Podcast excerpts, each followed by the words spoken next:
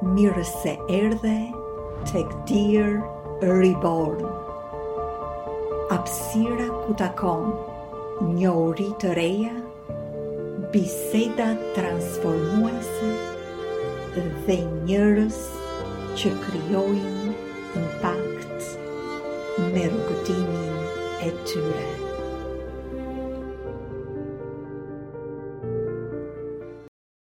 Përshëndetje dhe mirë se erdhët në episodin e radhës të Dear Reborn. Sot kam kënaqësinë të kem ftuar këtu Klajdi Thaçin, i njohur si autori dhe shkrimtari i librit Sfidat e një humani, Megjithatë Klajdi ti je shkrimtar edhe shumë më tepër që do na e tregosh vetë këtu dhe faleminderit, faleminderit për prezencën në podcastin e Reborn Albania. Faleminderit Diana për mua shumë kënaqësi në fakt të komunikoj me ju, duke qenë se uh, jo shpesh ndodh që të diskutojmë sidomos për librat me njerëz që kanë një lloj vetëdije të lartë siç jeni ju, dhe unë besoj që jeni nga njerëzit më të evoluar, për aq sa unë njoh në Shqipëri. Dhe ë uh, për mua është kënaqësi e veçantë që ju e keni lexuar librin radhë parë, sepse një nga dëshirat e mia ka qenë që ë uh, të kem një audiencë cilësore, pra jo të kem shumë audiencë, po uh, njerëz që arrijnë ta kuptojnë mesazhin dhe që mund të më japin një mendim të vlefshëm për librin. Faleminderit, ka qenë në fakt Klajdi një privilegj për mua. Siç të kam thënë, librin e kam lexuar në avion, në rrugën e kthimit nga Tirana në Toronto dhe më ka mrekulluar. Më la pa gjumë. se zakonisht dua të fle në avion, por dua të them kaq tërheqës ishte. Dhe megjithëse të them të drejtën në jetën time ka kohë që nuk uh, lexoj le të themi romane apo novela, kam qenë më shumë e fokusuar në libra që kanë të bëjnë me zhvillimin dhe kuptimin e natyrës njerëzore dhe gjithçka në këtë roman ishte një ndërthurje shumë e bukur e ngjarjes ngjarje e bukur që të merrte në, në rrjedhë dhe ti përjetoje atë ngjarje, sikur ishe në film e përfshirë dhe ishe kar, bëheshe karakter i ngjarjes dhe nga ana tjetër e shoqëruar pikërisht me natyrën njerëzore, që është në fakt gjëja që mua më më bën shumë Pasionante dhe në përputhje dhe me misionin e Rebornit. Klajdi, kush është Klajdi në radhë të parë dhe pse inspirimi për librin Sfidat e një humani? Atëherë, um, unë jam gazetar në profesion, kam disa vite që e ushtroj këtë profesion në Shqipëri, jam marrë shumë me profile të rinjsh kryesisht, sepse më pëlqen më pëlqente që të sillja në ekran lajmin e mirë, duke qenë se të gjithë lajmet pra trajtonin tema me probleme dhe pak a shumë mendoja që kjo ndikonte deri diku negativisht audiencën, unë doja të sillja në ekran lajmin e mirë dhe lidhja këtë kryesisht me të rinjtë duke qenë se të rinjtë uh, në masë duan të largohen nga Shqipëria, unë sillja shembuj të rinjsh shqiptarë të cilët uh, në mënyrë kreative pra janë uh, kanë krijuar bizneset e tyre, kanë krijuar bëjnë art, uh, nuk e kanë humbur shpresën dhe ndjekin misionin e tyre, ndjekin qëllimin e tyre edhe në Shqipëri dhe kanë sukses këtu. Këtë do këtë mesazh doja t'ua përcillja gjithë të rinjve të tjerë që për sa kohë jetojnë në Shqipëri dhe nuk kanë një mundësi tjetër, le të ndjekin pasionet e tyre dhe pse jo të bëjnë sukses, sepse kudo është e mundur kjo gjë. Ë, uh, kurse pasioni për shkrimin ka lindur shumë herët, mund të them që në klasë 6 kam realizuar poezinë time të parë, e cila është e vetmja që nuk kam ruajtur, pra është e vetmja që kam humbur. Dhe ë uh, deri në fund të klasës 9 kisha shkruar rreth 40 e ca poezi që ishte shumë për për një adoleshent, sepse gjithmonë uh, isha një natyrë, uh, isha shumë i ndjeshëm dhe uh, më më preknin kauza sociale, më isha shumë kurioz për njerëzit, doja të njihja natyrën njerëzore dhe prandaj edhe libri quhet Sfidat e një humani sepse unë jam njeri që procesoj shumë, mendoj shumë, ë uh, për shkaqet sepse njerëzit bëjnë veprime të caktuara, më pëlqen që të njoh, domethënë karaktere të ndryshëm. Edhe uh, kjo më çoi në këtë drejtim. Erdhi në këtë moment, pavarësisht se ideja ka 7 vite që që procesohet, pra ka lindur 7 vite më parë, erdhi në këtë moment sepse gjeta një periudhë uh, hapësire kohore, gjithmonë na duhet kohë për të reflektuar, për të shkruar. Dhe U ula, e kam shkruar shumë shpejt për rreth 3 javë, pra nuk ka zgjatur shumë si proces. Kam dalë pak nga natyra ime, se unë nuk jam shumë i disiplinuar dhe për të shkruar librin kam qenë tepër i disiplinuar. Çdo ditë shkruaja rreth 2-3 orë pas dite dhe mendoj që në fakt disa etiketa që ne na vihen, si për shembull të qenit i disiplinuar ose jo, ë nuk kanë të bëjnë shumë me ne, po kanë të bëjnë shumë me atë që ne bëjmë. Kur bëjmë diçka që kemi me pasion, automatikisht bëhemi të disiplinuar, kurse kur bëjmë diçka që nuk e duam, normalisht që fillojmë i shtyjmë gjërat edhe nuk jemi shumë produktiv. Absolutisht. Edhe është në fakt treguesi i parë i fenomenit procrastination apo shtyrjes së detyrave apo marrjes së veprimit, sepse nuk është gjë ajo. Nuk është gjëja që na që na nxit edhe nuk jemi të të lidhur me atë dhe s'mund ta krijojmë gjithashtu.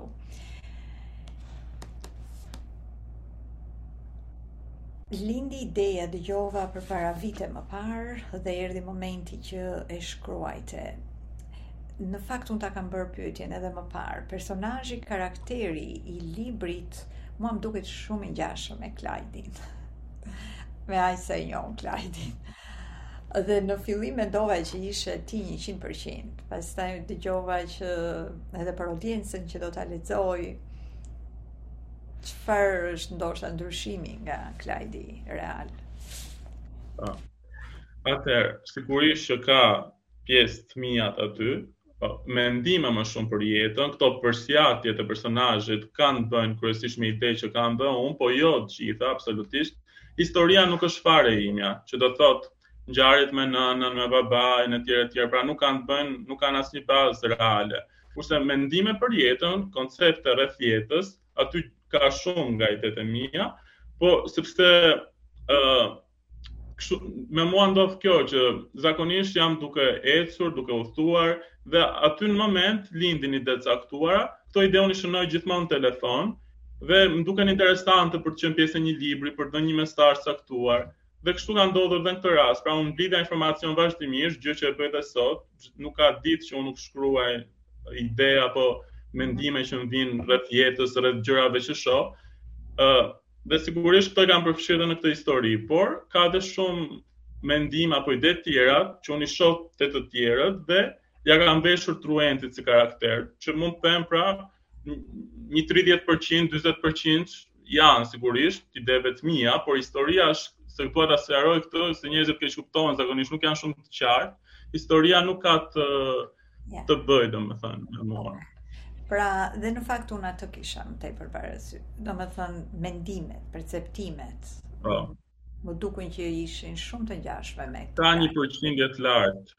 Po, me të vërtetë. Dhe nëse unë do të shtoja për shkrimin tënd për veten, edhe për audiencën faktin që ti je dhe unë i referohem manualit tënd, njerëzor, për të bërë edhe atë lidhjen që pse Klajdi sepse gjithmonë mua ajo më inspiron dhe këtë dua të ndaj. Dhe qëllimi i këtyre bisedave në podcast është pse ky person bën këtë gjë. Në mënyrë që të inspirojmë dhe të tjerët që aha, ok, nëse unë kam këtë kapacitet, këtë karakteristikë, kjo më ndihmon mua të bëj një gjë të tillë. Dhe në radhë të parë si ti e di shumë mirë, je i grupit të projektuesve, që është një grup po. e kam shumë për zemër, dhe gjithmonë e përsëris mesazhin janë një grup njerëzve që janë vijnë me një mençuri të brendshme, të lindur dhe janë këtu për të krijuar dhe për të dhënë drejtim shoqërisë, shtatëdhjetë për qind grupit të gjeneratorëve, në kuptimin ne të gjithë kemi mençuri, ne të gjithë kemi aftësi drejtuese, po këta kanë një kapacitet shumë të një aftësi njohje të brendshme për të ditur thellësisht natyrën e personit me të cilën janë në kontakt. Dhe ti je një nga ata, kuptohet pra si projektues, Dhe ajo që më mrekullon fakti është që gjithë ai qarku kolektiv që unë e quaj kapaciteti për të ndarë me njerëzit e ke shumë të theksuar.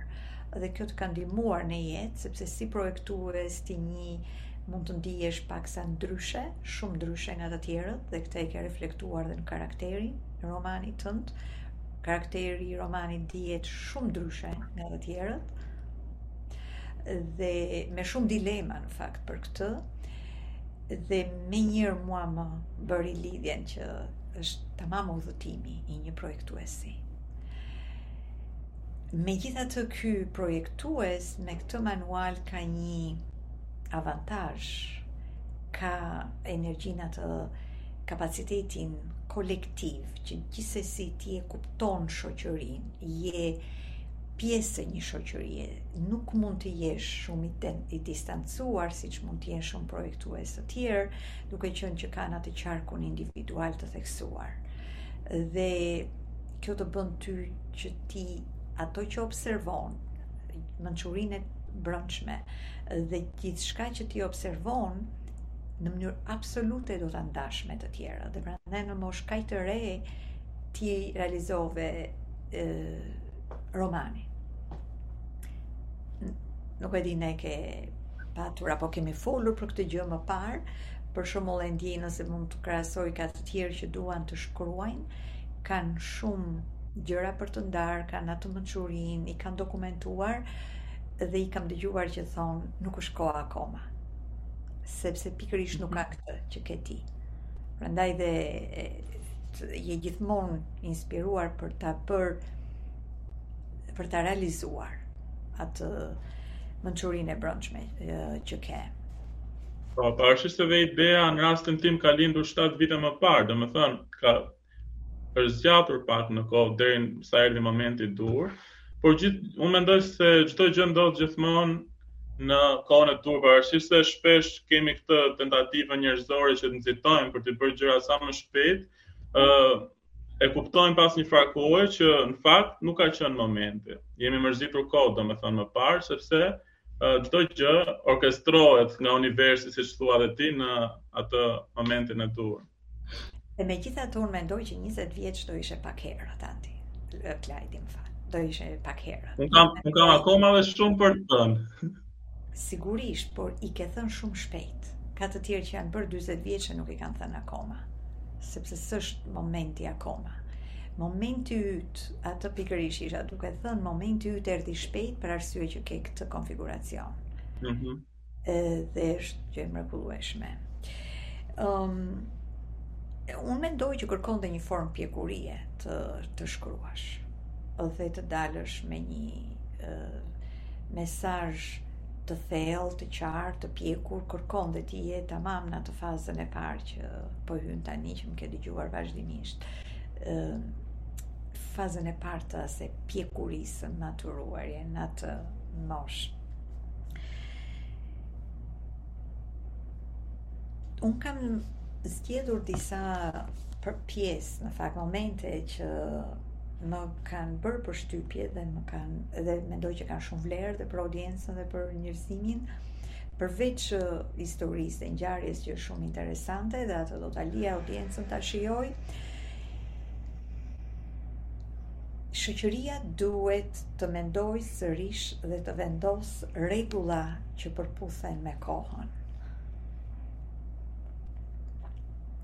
Mjaftu dembelosët e qëndruat në gjumë duke ndjekur qorrazi traditën e mendimit të atyre që nuk ekzistojnë më. Jetojmë nën diktatin e zërit të të vdekurve. Na mungon gjë koka për të menduar? Nuk them të flakim tutje gjithçka ka ekzistuar, si edhe mençurinë që na është trashëguar prej përvojës njerëzore.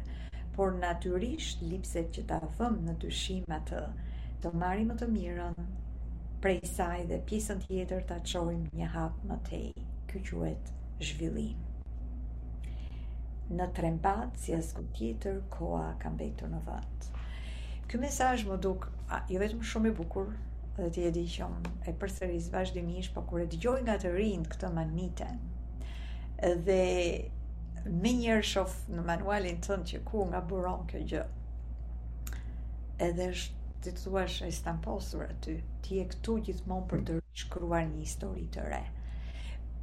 Por në këtë histori të re ke një përqasje me të kaluarën. në kuptimin që ka një edhe vetë grupi i projektuesve, kanë shumë përqasje me mençurinë e vjetër. Dhe vazhdimisht e sjellin, shkojnë mbrapsht, e marrin, çfarë ishte më e mira nga ajo kohë, dhe e sjellin për pjesën tjetër, për të ardhmen, e kaluara është zhvillim për të ardhmen, për pjesën që duhet, por gjithmonë edhe je këtu për një ndryshim gjenetik. Siç e shpreh dhe vetë, ndryshimi gjenetik është ndryshim radikal, që ka ardhur koha për diçka, për diçka të re dhe që përputhet me kohën. Më duket një mesazh shumë i bukur ky. Sepse jo më kot na është dhuruar mendja që t'i mendojmë gjërat dhe të sjellim diçka të re, sepse e shoh shpesh te disa njerëz që ndoshta janë pak dembelë për të menduar, që thonë, për shembull, citojnë një shprehje dhe këtë e ka thënë filani dhe e marrin si të mirëqenë që është një e vërtetë absolute. Po ti duhet ta procesosh atë që ka le të jetë personaliteti më i madh botëror, ti gjithsesi duhet ta Duhet ta procesosh atë që është thënë, ta marrësh mesazhin, të kuptosh nëse vlen për ty, sepse ai mund të jetë një mesazh shumë i mirë, por ndoshta nuk vlen për ty. Dhe pse jo të sjellësh një gjë më shumë se sa ajo, nëse ke mundësi gjithmonë. Dhe jo ta marrësh thjesht si një mesazh që është thënë nga dikush, edhe ta përsërisësh si papagall. Domethënë, kjo është ideja që ne duhet të kemi një qasje kritike ndaj gjërave. Qasje kritike absolutisht, yes. Dhe ndoshta një kuptim që jeta vazhdon, jeta evoluohet dhe në këtë evolucion ka rrit lindin nevoja të reja. Ka nevoja të reja, ka nevojë, mendoj është përqasje mendore, por është dhe përqasje shpirtërore. Kur them përqasje shpirtërore është më tepër se në mendje është në zhvillimin e shpirtit të njeriut që mm -hmm. të zhvillohet dhe kur ne zhvillohemi është ekzistenca jonë, është qëllimi i ekzistencës sonë të zhvillohemi. Ëh dhe ishte një mesazh shumë shumë i bukur që për mua rezonoi shumë. Gjithashtu një tjetër një fragment të shkurtër që m'u duk shumë i lidhur jo vetëm me ty, por edhe me vlerë për njerëzimin tani kur bëhet fjalë për të zhvilluar shëndetin, për të zhvilluar krijimtarinë, për të zhvilluar aftësinë e mendimit që ne kemi nevojë shumë të lidhemi dhe të jemi në heshtje me veten. Dhe në pjesën tjetër dua të ndaj, nisur nga zhgënjimet e njëpasnjëshme që kishte marrë në jetë, prej zbulimit të këtyre shpirtrave të ndotur e që prehshin errësirën e jetës, zgjidhte të distancohej sa herë i jepej mundësia.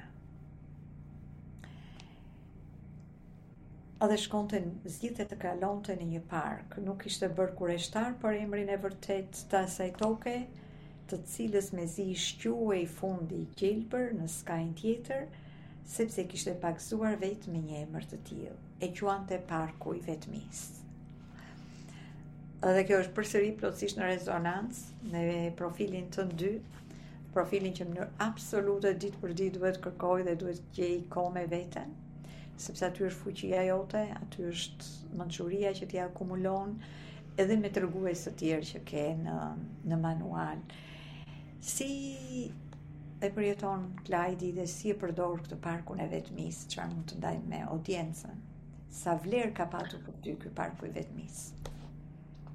Në rastin tim, parku i vetmisë është dhoma ime, se nuk është se, domethënë, dal Dal shumë në natyrë ngaqë dhe uh, nuk kam shumë kohë e mbyll punën, po errësohet dhe nuk është momenti i duhur për të dalë për të bërë një shëtitje në natyrë, domethënë. Por që uh, unë përgjithësisht mbyllem në dhomën time dhe dua të rri vetëm. Pra ka 2-3 orë gjatë pasdites që dua të rri komplet vetëm, sepse aty gjej veten time dhe jam në përputhje të plotë me atë që unë jam. Gjatë ditës ne ndeshemi me njerëz të ndryshëm, unë jam shumë empatik dhe ndikohem nga energjitë, nga kondicionohem nga ajo që më vjen.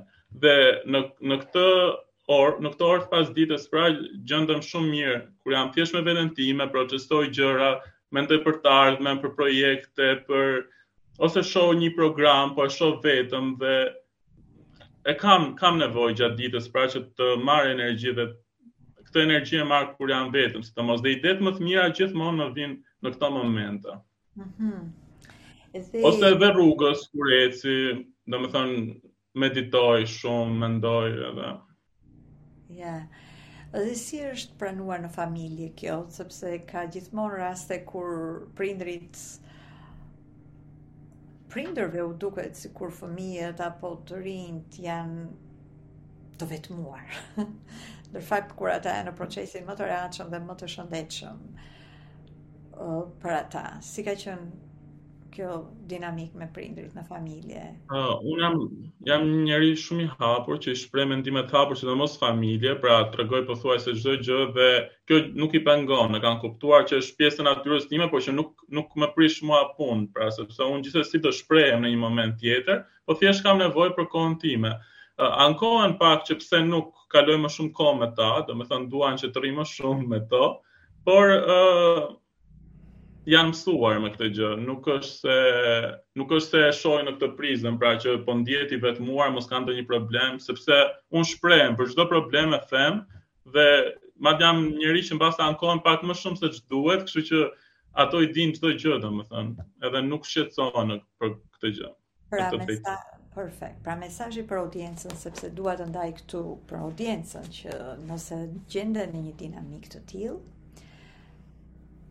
në rastin tënd të ka ndihmuar dhe ata mund t'i ndihmojë që ta shprehin tek prindërit që unë jam natyrë që kam nevojë për kohë me veten. Për shembull, vajza ime Kejdi e ka shprehur. Në momentin që ajo e shprehu, u bë dhe për ne më e qartë, sepse ka të tjerë Klajdi që nuk e shprehin. Ndoshta dhe Kidi nuk e shprehte, dhe kjo prandaj këtu ishte qëllimi i pyetjes sime, dhe që na dhe përgjigjen. E, ka sh, është ekziston një dilemë shumë e madhe, kur prindërit mendojnë që fëmija është në një botë të mbyllur, kur në fakt kjo është gjë shumë e, e mirë dhe e shëndetshme për, për fëmijën. Siç e përmende ke shumë idera. Dhe në fakt kur shof idenë dhe mënyrën se si të rrjedhin ty këto idera që janë shumë të thella, por nga ana tjetër janë dhe shumë të rastësishme, nuk janë të logjikshme, kur pashë mhm. manualin tënd. Dhe në libër gjeta pjesën kur Kur ti shkruan jam i bekuar me ide krijuese. Nuk është merita ime që u zgjodha për këtë mision. Gjithë ajo që ndodh brenda meje kalon përmes një procesi mistik. Zakonisht kur nis një projekt, Nuk kam asnjë plan të madh në kokë. Një detaj fluturon në mendjen time krejt papritur, teksa dëgjoj muzikë të mirë, në dush, duke ecur në rrugë, kudo e kurdo. Nxitoj ta shënoj dhe kur jam në studio ia nis nga puna. Të dy ato kode gjenetike 61 dhe 64 janë shprehur në këtë paragraf. Dhe si të ka ndihmuar në në krijim kjo gjë, sepse kërkon dhe kam idenë që mund të jetë paraqitur një lloj sfide për ty Klajdi, edhe me sa të njoh unë, me sa shoh dhe në manualin tënd, sepse nga njëra anë ke konfiguracion të lartë logjik. E këtu vjen dhe ai perfeksioni yt, dëshira për të bërë gjërat në mënyrë të shkëlqyer dhe precize dhe perfekte dhe nga ana tjetër është kjo tendencë, kjo mënyrë si truri yt, mendja jote i proceson iderat që i lë të rrjedhin dhe vijnë komplet në formë të papritur dhe jo të kuadratuar. Si e menaxhon këtë? Është një lloj konflikti këtu, Klajdi, apo është akoma në zhvillim e sipër edhe kjo? Jo, ky konflikt është konstant në fakt. Gjithë këto ide që rrjedhin pra në këtë mënyrën e natyrshme, më pas kalojnë te ky procesi logjik. Edhe uh, ndodh kjo gjithmonë, por nëse më parë kur isha adoleshent ose fëmijë që nuk kisha një vetëdije të lartë, se normalisht do koha është të ndodhë, ë uh, ia jepja meritat vetes time për çdo gjë që bëja dhe mendoja që isha unë i zgjuar apo i talentuar apo Edhe në fakt edhe me zë të lartë, se kam qenë gjithmonë njeri që nuk nuk vuaja për të dukur modest. Domethënë, çdo kon koncept, ide që kisha për veten time shprehja, si të mirë, si jo të mirë dhe ë uh, nuk ndje, nuk më vinte turp për këtë gjë dhe shija që njerëz të tjerë në fakt e kritikonin një veprim të tillë. Pra duket si një lloj mendjemadhësie ose nuk ë uh, tip arrogance, ndërsa me kalimin e kohës kam kuptuar që në fakt këto ide nuk është se vin prej meritës time shpesh herë. Po unë mendoj që ne të gjithë kemi ardhur këtu me një qëllim. Dhe unë besoj që jam përzgjedhur dhe kam një mision të caktuar. në jetë dhe ë uh, jam shumë falem, falenderues tani për çdo ide që më vjen. Jam shumë falenderues dhe gjithmonë them me vete që, domethënë, falenderoj Zotin ose universin që ma jep këto ide sepse ose një koncept të caktuar sepse ë uh, Nuk mendoj më, domethënë që kjo është është merita, thjesht merita ime. Sigurisht që deri në një farë pike mund të jetë, por një pjesë e madhe e gjërave ne na vijnë sepse duhet të ndodhin prej nesh, pra duhet këto mesazhe duhet të jepen prej nesh, përputhen me me qëllimin tonë. Kjo është, domethënë, në këtë shkallë ka arritur vetëdija ime tani dhe dhe uh, jam bërë shumë modest në këtë aspekt, pra nuk më pëlqen të flas për veten sikur uh, po bëj shpikje të mëdha ose sikur gjithë këto gjëra janë pra uh, vetëm falë punës time e tjera, por e ndaj meritën dhe me me aspekte të tjera të jetës, që janë më të mëdha se ne.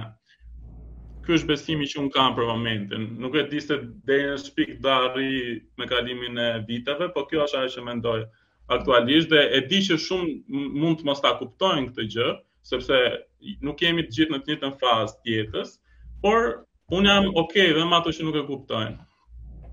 Perfekt. Mjafton që jam i qartë për veten time. Yes. Dhe ndonjë këshillë në lidhje me këtë dilemën dhe këtë që unë e quaj conundrum. E, nga njëra ti, nga njëra anë është inteligjenca dhe e ke kuptuar që duhet t'i lësh gjërat të vijnë spontanisht dhe këto mendime dhe nga hmm. ana tjetër tendenca që kemi si qenie njerëzore për të qenë shumë nga ana logjike të programuar. Ë, doja kisha dëshirë suksesin më të madh po Aha. Jo, un kam filluar t'i lej të rrjedhin sepse kam kuptuar që momentin që procesi i krijimit apo i shkrimit një projekti bëhet në mënyrë logjike, nuk është nuk është në atë brilancën maksimale. Domethënë gjithmonë intuita më çon në një pikë më të lartë. Edhe kur un kondicionohem dhe e fus pastaj atë procesin logjik që nuk largohet, gjithsesi asnjëherë po them kur e theksoj këtë pjesë, nuk kam të njëjtin sukses dhe për mendimin tim, ë ky është një sugjerim që unë e jap dhe për tjerët, duhet të jenë shumë të natyrshëm dhe shumë organik në mënyrën se si procesojnë, sepse gjëja e impostuar stonon dhe nuk nuk e nuk arrin të depërtojë te tjerët, sidomos në të shkruar, duhet të jemi shumë të vërtetë. Unë prandaj jam futur dhe në anë të errëta të natyrës njerëzore, në mënyrë që njerëzit kur ta lexojnë, të gjejnë dhe pjesën e brendshme të tyre, të cilën nuk kanë guxim ta shprehin, sepse ë uh, duke duke qenë të vërtetë aty ne mund të depërtojmë drejtpërdrejt, dhe t'i prekim të tjerët. Nëse shkruajmë fasada, sa e bukur është një lule, dhe shpreh me fjalët më të bukura në botë dhe themi gjëra vetëm për t'u dukur bukur, ajo nuk nuk çon në fund asgjë, nuk nuk arrin të japi një mesazh apo të ndikojë te ata që lexojnë. Dhe për mua çelësi është vërtetësia dhe originaliteti. Pra të jemi shumë të natyrshëm në atë që bëjmë. Absolutisht. Absolutisht. Dhe e ke shprehur shumë mirë në libër atë të vërtetë. Dhe pra ana logjike të ka ndihmuar në fakt ta shkruash librin. Kam idenë që është bashkuar integruar shumë mirë ajo ajo pjesë. Më ka ndihmuar më shumë në momentin e redaktimit, pra kur e kam, sepse unë e kam ripunuar më mbrapa, mm Në momentin që kam shkruar, nuk kam ndërhyrë shumë, domethënë asgjë. Po, në momentin që kam redaktuar, kam rregulluar, sigurisht që kam bërë aty ndryshime, që vinë lidhen dhe me këtë aspektin logjik. Yeah. Edhe, uh, aspektin logjik, në fakt, e shpreh shumë, po më tepër në projekte që s'kanë të bëjnë me anën krijuese. Pra, projekte që mund të unë jam duke punuar aktualisht dhe për projekte tjera, të cilat nuk janë bërë ende realitet, por që uroj të bëhen në një të ardhme dhe aty e fus më tepër këtë anë logjike, pra sepse ke shumë të theksuar, këtë jam duke thënë, ke shumë të theksuar në manualin tënd. Edhe janë të dyja dhe kërkon një mjeshtëri që t'i balancosh edhe të besosh që të dyja kanë vlerën e vet dhe sa duhet të përdorim secilën nga ato. Se ndonjëherë merr peshë tjetra dhe anashkalohet kjo. Dhe nëse ka filluar t'i besoj më shumë intuitës në fakt kohët e fundit. Të më çojë drejt një rruge më të lartë, siç e thashë dhe më parë. Absolutisht. Dhe si është pritur libri në Shqipëri, Klajdi? Çfarë ka qenë? Uh, se duhet ta dimë një mendim i lexuesit, feedback-u, çfarë ke marrë nga lexuesit? Unë në fakt pritshmëritë në fillim, pavarësisht se unë besoja te kontenti im, sepse e kam këtë që jam i vetëdijshëm për gjënë që bëj, besoja që kisha bërë një libër shumë të mirë, por gjithashtu e njoh dhe natyrën njerëzore dhe e di që njerëzit përgjithësisht janë skeptikë, sidomos për një autor të ri shqiptar. E kemi këtë që njëri tjetrin e ulim pak më shumë sesa të huajt. Pra në qoftë se themi një emër të huaj, ai duhet të jetë patjetër shumë i mirë. Ndërsa po të jetë autor shqiptar, ka diçka që nuk shkon aty. Dhe unë e ndjeva këtë gjë dhe e dija në një farë pike që do më penalizonte, por për çudinë time, impakti ka qenë shumë më i mirë sesa unë e kisha parashikuar. Ka patur, pavarësisht se kam bërë një promovim të vogël, pra nuk nuk kam nuk kam dalë nëpër studio televizive shumë, pavarësisht se kam pas dhe ftesa, po thashë, natyra ime ka ndryshuar shumë me kalimin e viteve, jam bërë më selektiv, më i tërhequr dhe ë uh, impakti ka qenë shumë shumë i mirë dhe për çudinë time, pavarësisht se unë mendoj që libri është pak pesimist, ë uh, kam marrë mesazhe që ka dhënë shumë optimizëm, shumë shpresë, shumë forcë Ë dhe gjëja që kam dëgjuar më shpesh është që të rinjtë e gjejnë veten në këtë personazh, sepse ë uh, Truenti është pak a shumë një i ri me sfida të një shqiptari ose ballkanasi, pra ë uh, ku fusim këtu sfidat ekonomike, pasiguritë për jetën, edhe emigrimi është i përfshirë aty, uh, Truenti mendon që bota nuk duhet të kishte kufi, pra sepse toka është e të gjithëve, nuk është se uh, nuk është se uh, dikush duhet të ketë të drejtë të thotë që s'duhet të shkosh në këtë liqen apo në këtë mal, sepse duhet të rrish aty 3 muaj, pra këto gjëra i duken absurde. që njerëzit vendosin kufij të tillë. Dhe ë uh, të gjitha këto janë dëshira thellë brenda të gjithë të rinjve shqiptarë, se po të shohim fenomeni që po ndodh më shumë sot është që po largohen dhe kanë një dëshirë shumë të madhe për të qenë të lirë dhe për të lëvizur. Ë dhe ka patur me të vërtetë një impakt shumë pozitiv. Unë mendoj që nëse bëhet akoma dhe më i njohur për audiencën dhe të rinjtë do e dinë ekzistencën e këtij libri dhe do e lexojnë, besoj që impakti do rritet edhe më shumë dhe e uroj këtë gjë, po kjo mbetet për të për të ndodhur në vazhdim dhe unë do mundohem të bëj pak më tepër promocion sepse sot jetojmë në një botë të tillë ku ë uh, më shumë se çdokush tjetër je ti që duhet t'ia bësh reklamën apo marketingun produktit tënd. Yes, po. Dhe në fakt kjo ishte edhe arsyeja pse unë doja ta bënim këtë bisedë, përveç që doja të kisha ty në hapësirën e The Rebornit, të kenë dhe të tjerë kënaqësinë të dëgjojnë ty dhe prezencën tënde për të cilën unë Kam patur fatin, privilegjin të njoh dhe të shkëmbej mendime dhe atë që the plotësisht, eksaktësisht kam ndjerë dhe unë nga romani, Klajdi që megjithëse ngjarja mund të ketë elemente të themi adhon.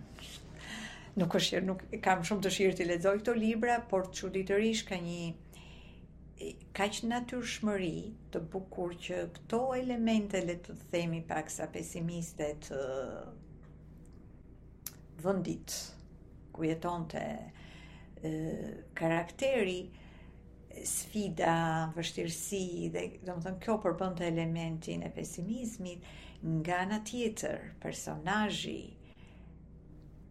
të mëson vetëm duke lexuar librin Ti ke një inspirim të bëhesh një njeri më i mirë. Dhe mendoj që suksesi, mhm, më i lartë i këtij libri dhe karakteri është në mënyrë të natyrshme të bën ty të mendosh që e para që unë nuk qenkam vetëm, se ka shumë të tjerë që me janë, në këtë dilemë dhe në këtë thellësi mendimi dhe nëse nuk je një nga ata në mënyrë shumë të natyrshme automatike fillon të nxit ty që si mund të bëhem njeri më i mirë. Ë personazhi ishte domethënë po. një njeri që ti i bie në dashuri me këtë roman, për natyrën e lartë, principet e larta njerëzore që ai mishëron. Dhe Një nga gjërat që do të shtoja këtu, pikërisht për këtë që thua, është që Truenti ka një tendencë pavarësisht vuajtjes që përjeton në një moment caktuar prej njerëzve ose rrethanave, ai ka tendencën që pas asaj të reflektojë dhe të tregohet mirëkuptues. Pra ai në një moment thotë që uh, me të vërtetë mua njerëzit në përgjithësisht nuk më ndihmojnë që të shkoj një hap më para, po ndoshta unë jam projektuar në një mënyrë të tillë që t'i arrij gjërat vetë dhe në fund të ditës mos mos të jem mirënjohës në kuptimin që mos t'i kem borxh dikujt për për një gjë ose ka raste kur ai mundohet të justifikojë të tjerët dhe ë uh, përpiqet që të gjejë arsye për për gjërat që bëjnë apo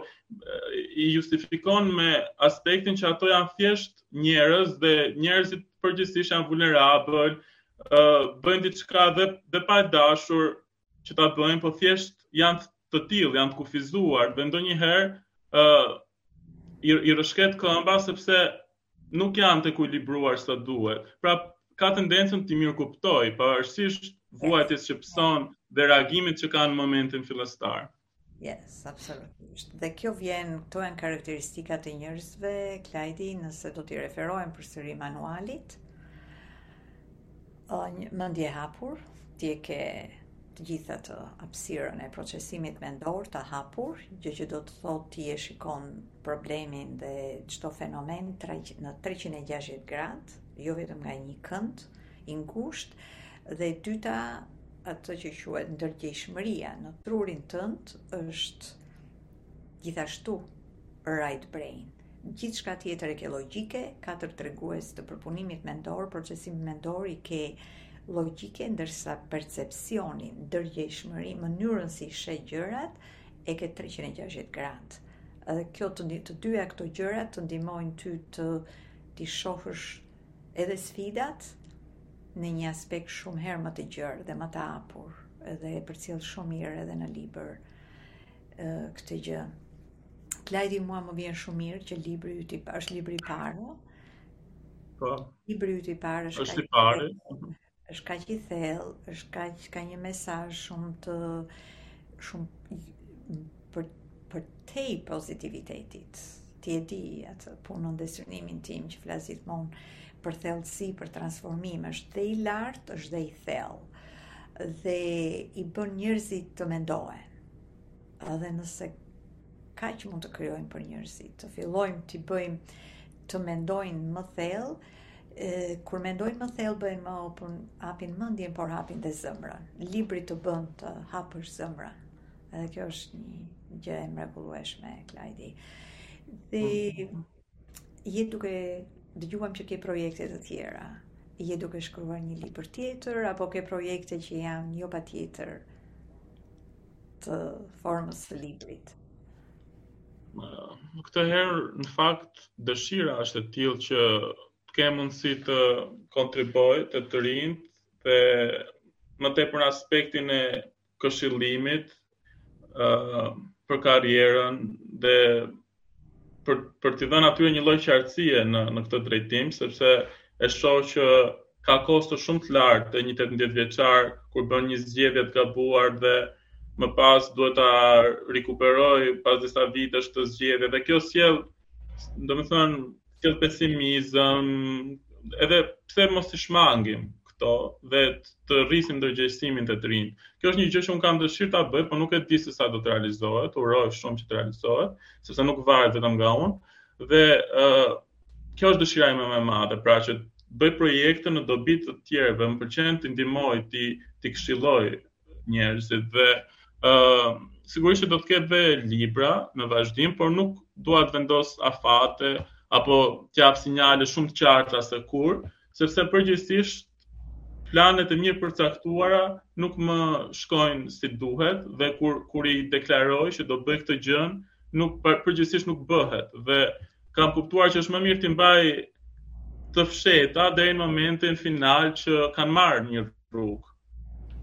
dhe uroj që sa më shumë projekte të bëhen realitet, sa më shumë libra, por që kjo nuk varet vetëm nga unë, varet edhe nga ato suportet e tjera që folëm, pra sa do jetë frymëzimi, sa do jetë ë uh, çdo rrethanë gati për t'u për t'u bërë projektet realitet. Dhe Klajdi, nëse kishe tre këshilla si projektues i mençur që je për audiencën, çfarë do ishin tre këshilla? Këshilla e parë që ia jap vetes dhe të gjithëve është që të jenë origjinalë dhe natyralë. Pra të kërkojnë brenda tyre zërin e tyre dhe jo të imitojnë apo të ndjekin modele. Le të ndjekin modele, por modele të cilat janë të ngjashme me me natyrën e tyre. Pra jo të dalin përtej asaj, shohin se çfarë ka sukses sot, pra kanë sukses për shembull në televizion vajzat me botox dhe të bëhen gjithë femrat me botox. Nuk është ky qëllimi, pra ti duhet të ndjekësh rrugën tënde sepse mënyra për të qenë i suksesshëm ka shumë, nuk është vetëm një model. Dhe kjo është e para, pra që njerëzit të jenë të natyrshëm dhe origjinal në qasjen e tyre. Ëm ehm, um, këshilla e dytë është që të jenë uh, empatik, pra të mundohen që të kuptojnë arsyet, të, të mundohen të jenë më tolerant ndaj të tjerëve dhe ë uh, të mos jenë gjykues apo të mos kenë tendencën për të ndërhyrë në fatin apo në jetën e dikujt tjetër, pra të shohin më shumë rrugën e tyre dhe nëse kanë mundësi të bëjnë mirë, le të bëjnë mirë. Nëse nuk e kanë këtë mundësi, është mirë që të qetësohen dhe të heqin nga mendja këto planet ë uh, për për të bërë dëm dikujt tjetër sepse kjo e, e gjitha do t'i kthehet atyre një ditë. Pra, gjithçka që ne bëjmë, na kthehet dhe në momentin që mendojmë keq, në radhë parë i bëjmë dëm vetes tonë. Kështu që ky është mesazhi i dytë, jemi empatik dhe dhurojmë mirësi. Ndërsa mesazhi i tretë është se kështu kur m'i përcaktohen me numra e kam pak. Po këto ishin dy më të rëndësishmet. ë uh, e treta. ë uh,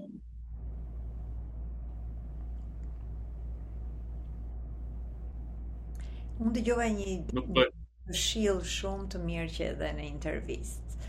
Nëse do të realizosh diçka, fokusohu. Nëse ti ke diçka tënden që të pëlqen dhe je i apasionuar, ti i dedikove dy orë çdo ditë. Po. Prandaj dedikoj. Ndjekin, ndjekin pasionin, sepse kur bën atë që do, gjithmonë do do të kesh sukses, pavarësisht se sa treg mund të ketë ai ai profil që ty të përshtatet, në rast se ti dedikohesh me gjithë qenien tënde dhe jep maksimumin tënd aty, patjetër që suksesi do vi dhe do arrish të mbijetosh duke bërë dhe atë gjë. Dhe edhe kjo lidhet pikërisht me atë pikën e parë, pra të jemi të natyrshëm, të bëjmë zgjedhje të natyrshme që janë në përputhje me ne. Po mendoj se Më të, rëndësi, të rëndësishme se këto dy mesazhe, këto i përmbledhin të gjitha dhe fokusohen më shumë te te gjëra që ë uh, jo materiale, sepse te ajo që do lënë, pra te, te uh, gjurma që do lënë në këtë botë, sepse gjërat materiale në fund të ditës ne të gjithë jemi qenie njerëzore dhe do vi do vi fundi i të gjithëve dhe këtë e dimë. Dhe pse jo të bëjmë diçka që mbetet. Dhe prandaj dhe libri për mua ka qenë një kontribut ë uh, shumë me vlerë, dhe kam dashur gjithmonë ta bëj sepse e di që libri mbetet dhe kjo këto mesazhe mund t'i vlejnë gjeneratave që vijnë, pavarësisht se unë s'kam ndonjë përfitim ekonomik apo diçka tjetër, uh, sepse librat dihet se sa shiten, sidomos në Shqipëri, ë uh, un lë një trashëgimi dhe që do t'i vlej, do t'i vlej brezave që vijnë. Shpresoj t'i vlej se gjithmonë ka shumë libra në treg, nuk është se Absolut. Klajdi këtë e gjej në çdo librari në Tiranë dhe në qytetet e Shqipërisë. Libri po, gjendet në gjithë libraritë kryesore në Tiranë, në Durrës, po mund të porositet edhe online, nuk është ka arritur deri në Barbados, domethënë ka arritur në gjithë botën, nuk është se dhe mund të porosisin dhe online. Edhe online, por dua të them këtë që nuk kanë mbetur shumë kopje, sepse për fat mirë ka ecur, por që ë uh, edhe nëse mbarojnë gjithë kopjet, ai do ribotohet sigurisht, por ë uh, pak kopje kanë mbetur në treg momentalisht. Ore domethënë qenka shitur, ja që s'qenka e vërtetë tamam, njëqind për qind, që në Shqipëri nuk lexojnë libra. Jo, unë e thashë që jam surprizuar. Pra, është shumë e vërtetë që njerëzit, unë mendoj që je, libri duhet vlerë, jo vetëm libri tënd, por libri në përgjithësi, sigurisht është ka shumë vlerë, leximi dhe ndjej që në Shqipëri ka interes për të mësuar njerëzit, për t'u zhvilluar. Libri është një nga format. Po rritet. Interes shumë për të kuptuar. Dhe të falënderoj po për kontributin që ke dhënë në këtë në këtë fushë të zhvillimit edhe në Shqipëri. Klajdi ishte shumë kënaqësi të kisha sot në hapësirën e Dear Reborn dhe të uroj shumë sukses në vazhdim me projekte, libra dhe çfarëdo fare inspirimi që ti ke vazhdimisht do të bëhen realitet. Shumë faleminderit. Të falënderoj shumë Diana, për mua është gjithashtu shumë kënaqësi sepse kur komunikoj me ty e di që kuptohem menjëherë. Pavarësisht se un kam atë natyrën që i zgjas pak gjërat dhe ti e di këtë, ma ma thua vazhdimisht, por gjithashtu unë e di që ti e kupton shumë shpejt atë që them dhe më bën të ndihem shumë mirë me këtë dhe të falënderoj dhe për kontributin që po jep në Shqipëri,